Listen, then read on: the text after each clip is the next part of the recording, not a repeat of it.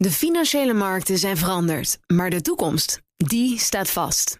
We zijn in transitie naar een klimaatneutrale economie. Dit biedt een van de grootste investeringskansen van onze generatie. Een kans voor u om mee te groeien met de klimaatoplossingen van morgen. Meer weten? Ga naar carbonequity.com. Carbon Equity. Do good by investing better. Een goedemorgen van het FD. Ik ben Luc van den Berg en het is dinsdag 21 maart.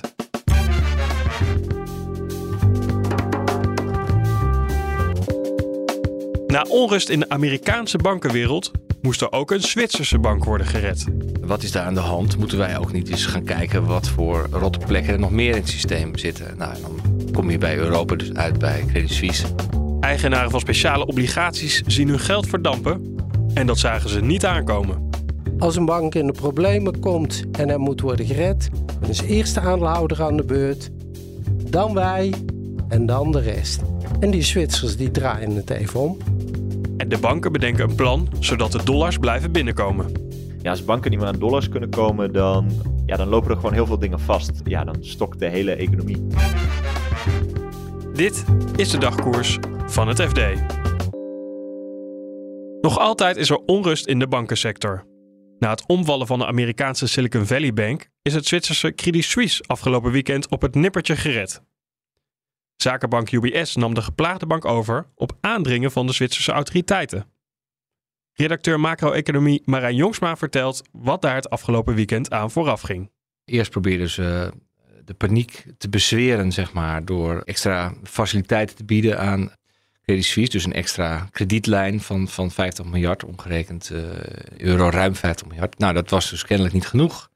Ze hebben voor beurs, zoals dat, uh, zoals dat hoort, hè, dan wordt er alles op alles gezet in het weekend om te voorkomen dat die paniek nog doorgaat als de beurzen opengaan met allerlei vallende aandelenkoers en dergelijke. Voor beurs in het weekend zijn ze dus in staat geweest om ja, Credit Suisse zeg maar, in een veilige haven te loodsen. Namelijk in de, de armen van uh, landgenoot UBS. Onder leiding van onze eigen Ralf Hamers, de oud-topman van ING.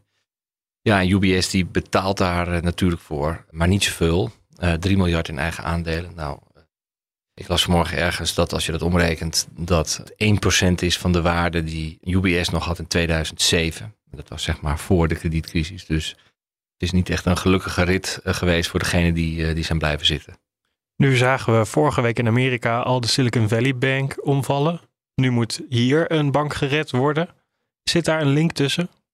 Nou, ik denk geen directe link. In die zin dat ik denk niet dat er heel veel grote zakelijke banden zijn tussen UBS en Silicon Valley Bank. Silicon Valley Bank is geen systeembank, zoals dat zo mooi heet. Hè. Een systeembank is een bank die zo groot en wijd vertakt is dat als hij omvalt, dat hij een uh, deel van de financiële sector meesleurt. Nou, dat was de Silicon Valley Bank niet. Maar ik denk wel dat het geleid heeft tot een omkering in het sentiment bij beleggers en ook bij depositohouders. Dat ze dachten van ja, een bank is in handen gekomen van de toezichthouders. Die, is, gewoon onteigend, zou je kunnen zeggen. Wat is daar aan de hand? Moeten wij ook niet eens gaan kijken wat voor rotte plekken er nog meer in het systeem zitten? Nou, dan kom je bij Europa dus uit bij Credit Suisse, een bank die al uh, tijden wordt geplaagd door schandalen. Eigenlijk geen, als je naar de balans kijkt, er nog redelijk gezond uitziet, maar waar allerlei lijken in de kas zitten, waardoor je ook niet precies weet of je die balans wel kunt vertrouwen natuurlijk. Kijk, je kunt een balans hebben die er redelijk gezond uitziet, maar als er nog allerlei rotzooi uit kan komen qua rechtszaken en schadevergoedingen, weet ik veel wat er allemaal nog uh, aan kan zitten komen. Ja, dan is, zijn die cijfers natuurlijk maar een, een, bieden maar een beperkt zicht op de werkelijkheid, zeg maar. Nu zeiden die Zwitserse autoriteiten ook van hè, we hebben dit gedaan en we hebben misschien wel die, druk opgelegd, zoals jij zegt, op UBS, om een wereldwijde financiële systeem te redden. Of in ieder geval om dat risico op een, op een nieuwe crisis misschien wel te voorkomen. Hoe groot, hoe groot schat jij dat risico in? Nou, ik vind het moeilijk om daar een soort percentage aan te plakken, maar ik denk wel dat ze daar een punt hebben. Kijk, als je ziet wat de, het echec rond SVB al aanricht, Silicon Valley Bank, en dan hebben we het hier over een echte grote bank en ook daadwerkelijk wel een systeembank. Ja, als die zou omvallen, dan, dan heb je natuurlijk gewoon een, een probleem. En, en vandaar ook dat een partij als UBS daar wel aan mee wil werken, want die weten ook dat als uh, Credit Suisse omvalt, ja, dan, dan blijft het probleem natuurlijk niet beperkt tot, uh, tot Credit Suisse. Is de rust dan nu ook wedergekeerd nu dit gebeurd is? Nou, dat is moeilijk te zeggen. Kijk, als je kijkt naar de aandelenkoersen, het komt een beetje tot, uh, tot rust, lijkt het. Maar de markt is heel volatiel. Er hoeft maar iemand iets te zeggen of iets te gebeuren, of die koersen schieten alle kanten op. En dan zie je ook weer een flight to safety. Hè? Dat, uh, dan gaat de rente weer omlaag, want dan, dan gaan beleggers uh, staatsobligaties kopen. En dan hoeven overheden minder rente te bieden om te lenen. Dus dan gaat de rente omlaag. Maar wat het punt natuurlijk is, en dat blijft ook bestaan, de, de centrale banken die zijn de korte rente zwaar aan het opschroeven. En dat is in korte tijd heel snel omhoog gegaan. Vooral in de Verenigde Staten, maar ook in Europa, in de eurozone. En ja, wat, wat zie je dan? Als die rente snel omhoog gaat, dan kan dat leiden tot allerlei problemen bij banken die renterisico's niet hebben afgedekt. Omdat ze obligaties die ze hebben gekocht worden dan minder waard. Nou ja, het leidt tot allerlei schokken in het systeem eigenlijk. En we hebben heel lang geen situatie gehad waarbij de rente zo snel omhoog gaat. Die centrale banken die, om geloofwaardig te blijven, moeten ze die inflatie bestrijden. Dat is ook gewoon hun hoofdtaak. Dus zijn ze die rente te opschroeven. En dat leidt dus tot allerlei, ja, zou je kunnen zeggen, bijwerkingen. Die je van tevoren niet helemaal kunt inschatten. Komt bij dat als je kijkt naar de Verenigde Staten, dat succesvolle lobby van het bankwezen ertoe geleid heeft dat kleinere en middelgrote banken veel minder intensief werden gecontroleerd. En daarom waren die problemen bij Silicon Valley, die stonden ook onvoldoende op het radarscherm van toezichthouders. Nou, dat is in Europa gelukkig wel beter geregeld. Ondertussen zijn de obligatiehouders van Credit Suisse woedend. Want de kosten worden grotendeels afgewikkeld via de zogenoemde AT1-obligaties van de bank, ook wel COCO's genoemd. En dat betekent dat de eigenaren van die coco's nu 16,1 miljard dollar kwijt zijn. Algemeen verslaggever Pieter Kouwenberg vertelt je eerst wat die coco's precies zijn.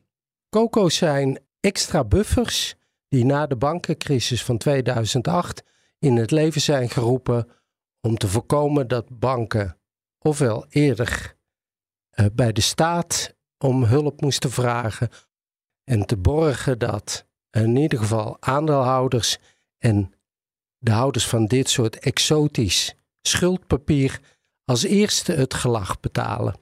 En niet de belastingbetaler bijvoorbeeld. En niet de belastingbetaler, exact. Toen hebben ze bedacht, we doen een soort exotisch soort obligatie. En dat noemen we COCO of aanvullend bufferkapitaal. En de truc daarvan is, is dat het meegerekend mag worden tot die buffer.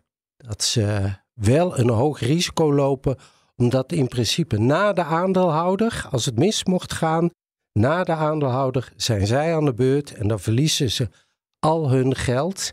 En daarna pas de gewone obligatiehouders en daarna pas de spaarder. Dus dat was het idee. En waarom zijn ze nu zo woedend? Bij de redding van Credit Suisse heeft de Zwitserse centrale bank besloten: wij ontzien de aandeelhouder een beetje. Want zij krijgen weliswaar tegen een enorme afslag, afwaardering, krijgen zij een aandeel UBS in de bank die Credit Suisse overneemt. En de rekening die wordt eigenlijk geheel en al gelegd bij die AT1 of COCO's. En daar zijn die mensen boos over, omdat ze zeggen: hé, hey, we hebben toch met elkaar altijd afgesproken. Als een bank in de problemen komt en er moet worden gered, dan is eerst de aandeelhouder aan de beurt, dan wij en dan de rest. En die Zwitsers die draaien het even om. Wat gaan die obligatiehouders dan nu doen? Of de houders van die coco's eigenlijk? Nou ja, dat is een hele ingewikkelde. Want als je heel eerlijk moet zijn, die coco's of uh, eh, AT1's, die mochten van de toezichthouder alleen worden verkocht aan professionele partijen en niet aan particulieren, omdat het te riskant papier is. Wat blijkt nu? Die professionele partijen die die producten op de markt hebben gekocht, die hebben niet goed naar de voorwaarden gekeken van die Zwitserse coco's, want ze zien eruit als coco's, ze ruiken als coco's, maar er zit een Zwitsers sausje overheen. wat zegt dat sausje? Op het moment dat de centrale bank vindt dat eh, deze bank in de problemen is, mogen die coco's, in één keer automatisch afgeschreven worden naar nul. En dat is ook niet herroepbaar, dat is ook niet terug te draaien. Finito. Dus op basis van het prospectus, de contractvoorwaarden, kansloos. Maar ja, ze hebben wel gelijk dat die Zwitserse toezichthouder de boel wel een beetje op zijn kop zet door die aandeelhouder te ontzien. En ik denk dat ze om die reden naar de, naar de rechter gaan en zeggen: hé, hey, ze zetten de boel op de kop. Dat kan niet, dat mag niet. En daarom willen wij geld zien. Nu zullen meer eigenaren van die coco's, ook bij andere banken kan ik me zo voorstellen, toch nog eens goed naar dat contract gaan kijken. Dat zie je al, want um, de bankaandelen gaan omlaag van uh, de banken die iets hebben wat een beetje lijkt op dat, uh, op dat Zwitserse model. Is, er, is zo'n coco nog wel houdbaar dan? Dat is een goede vraag. Uh, er zijn analisten die zeggen van dit is de klap het einde voor de coco-markt. Maar de mensen die wij spreken, die zeggen van nee, je hebt dat papier altijd nodig. Maar wat er op korte termijn gebeurd is, als banken nu een coco in de markt zetten, dan hebben ze misschien weinig belangstelling. En op de langere termijn uh, worden die papieren duurder. De koper die zal een hogere rente vragen. Door de onrust vrezen banken nu dat zij niet meer aan dollars kunnen komen. Om dat te voorkomen besloten de grootste centrale banken ter wereld om in actie te komen. Correspondent in New York, Lennart Sandbergen, vertelt wat zij van plan zijn. Ja, het was toch wel een opvallend moment, uh, zondagavond eigenlijk, Amerikaanse tijd. kwamen alle centrale banken van de wereld, alle grote, die kwamen tegelijkertijd met een persbericht. Uh, dus de Europese Centrale Bank en de centrale banken van uh, de Verenigde Staten, Japan, Canada, Zwitserland, Verenigd Koninkrijk. En die stelden eigenlijk dat er vanaf nu iedere dag een veiling zal zijn waarmee banken aan dollars kunnen komen. En normaal is er ook wel zo'n veiling, dat is dan één keer in de week.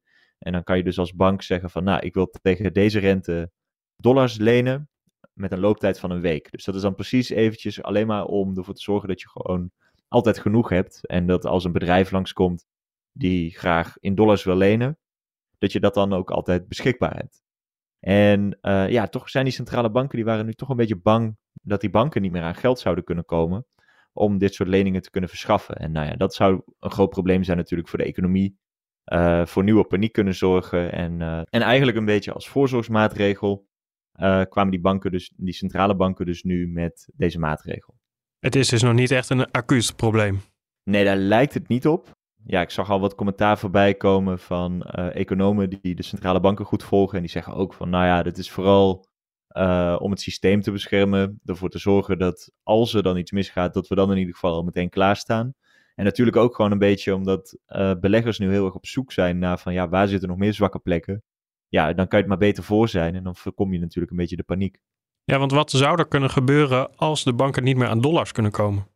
Ja, als banken niet meer aan dollars kunnen komen, dan, ja, dan lopen er gewoon heel veel dingen vast. Bedrijven moeten natuurlijk uh, voor alle transacties die ze doen, hebben ze dollars nodig, of hebben ze euro's nodig, of hebben ze Japanse yen nodig. En als dat in één keer wegvalt, of als ze daar in één keer niet meer aan kunnen komen, ja, dan kan je dus ook niet meer als, als uh, bedrijf je spullen laten leveren. En dat zou natuurlijk wel een groot probleem zijn, want dan, ja, dan stokt de hele economie. Nu is dat probleem dan even afgedekt hè, door deze dagelijkse veiling. Keert daarmee ook de rust terug? Nou, daar uh, lijkt het voorlopig nog even niet op. Uh, dus in Amerika hebben we natuurlijk nog heel erg gekeken naar First Republic. Dat is een van die middengrote banken waar problemen waren en eigenlijk nog steeds zijn. Ook maandag ging de koers weer enorm onderuit. Uh, afgelopen weekend had een kredietbeoordelaar, S&P, die had alweer gezegd dat, uh, ja, dat het helemaal niet zo goed gaat met die bank. Die was nog kritischer dan die, dan, dan die kredietbeoordelaar eerder al was. Ja, en dat gaat allemaal zomaar een beetje door. En beleggers blijven gewoon een beetje zoeken naar, oké, wat zijn nu de zwakke plekken in het systeem? Waar moeten we naar kijken? En ja, dan kan het ook heel snel gaan. Want ja, een week geleden had niemand verwacht dat Credit Suisse ten onder zou gaan. En uh, nou ja, kijk waar we nu zijn. Dus ja, en ondertussen zijn die andere twee banken die al ten onder zijn gegaan in de VS, dus Silicon Valley Bank en Signature Bank, ja, de overheid probeert daar een koper voor te vinden. En dat is ook zo makkelijk nog niet. Er is nu voor een deel van dat Signature is wel een koper gevonden. Die neemt wat leningen over en wat rekeningen.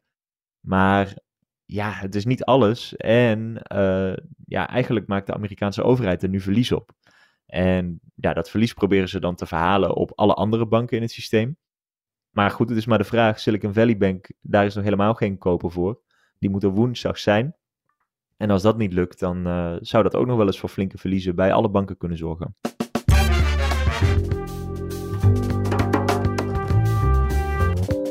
Dit was de dagkoers van het FD. Morgen zijn we er weer met een nieuwe aflevering. En in de tussentijd lees je het laatste financieel-economische nieuws in onze app. Voor nu een hele fijne dag en graag tot morgen.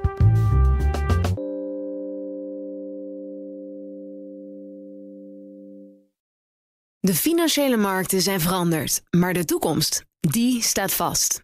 We zijn in transitie naar een klimaatneutrale economie. Dit biedt een van de grootste investeringskansen van onze generatie. Een kans voor u om mee te groeien met de pioniers van morgen. Meer weten? Ga naar carbonequity.com. Carbon Equity. Do good by investing better.